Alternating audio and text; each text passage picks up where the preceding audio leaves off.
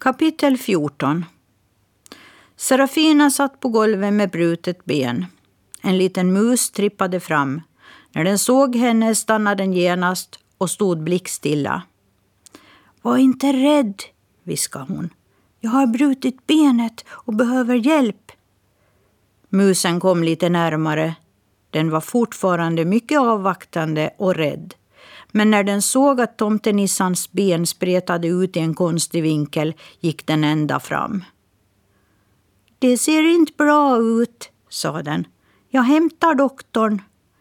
Kvickt kilade den iväg och Serafina var ensam igen.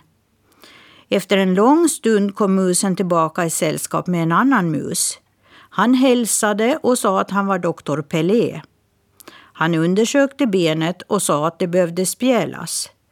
Från sin doktorsväska tog han fram en stor rulle gasbinda. Han bad den andra musen att hämta en lagom lång spjäla och några möss till som kunde hjälpa till att bära Serafina till släden efter spjälningen. Det kom tio små möss och de hade med sig en spjäla av en söndrig stol. De hjälptes åt allihop med att surra fast spjälan runt benet med gasbindan. När de var klara lyfte de upp Serafina och bar henne fram till dörren.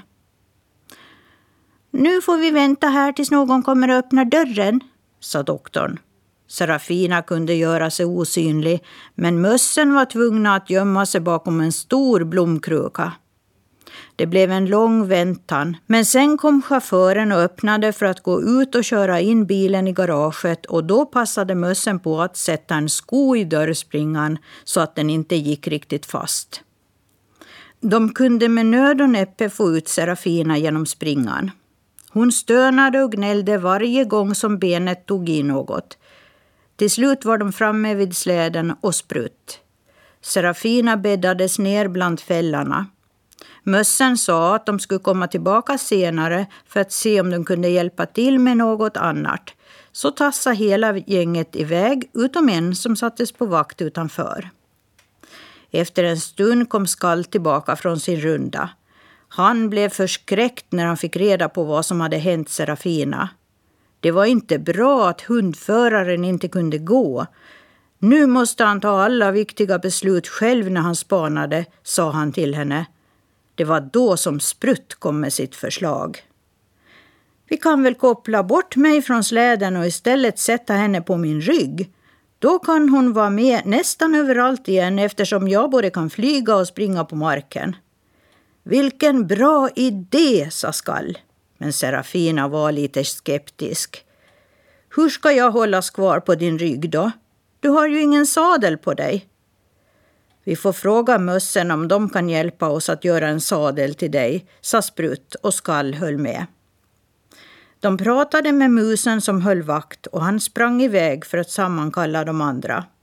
Efter en stund var en hel hop möss samlade i ladan. De började fundera på hur de skulle bygga sadeln.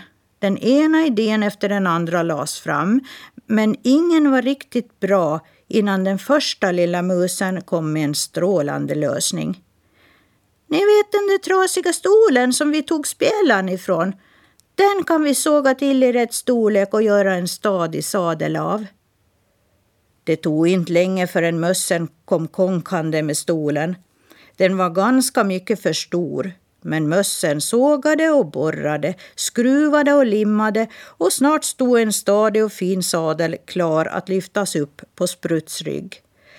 Men eftersom det var väldigt sent på kvällen bestämde de att Serafina skulle få sova i släden över natten och sen lyftas upp i sadeln på morgonen.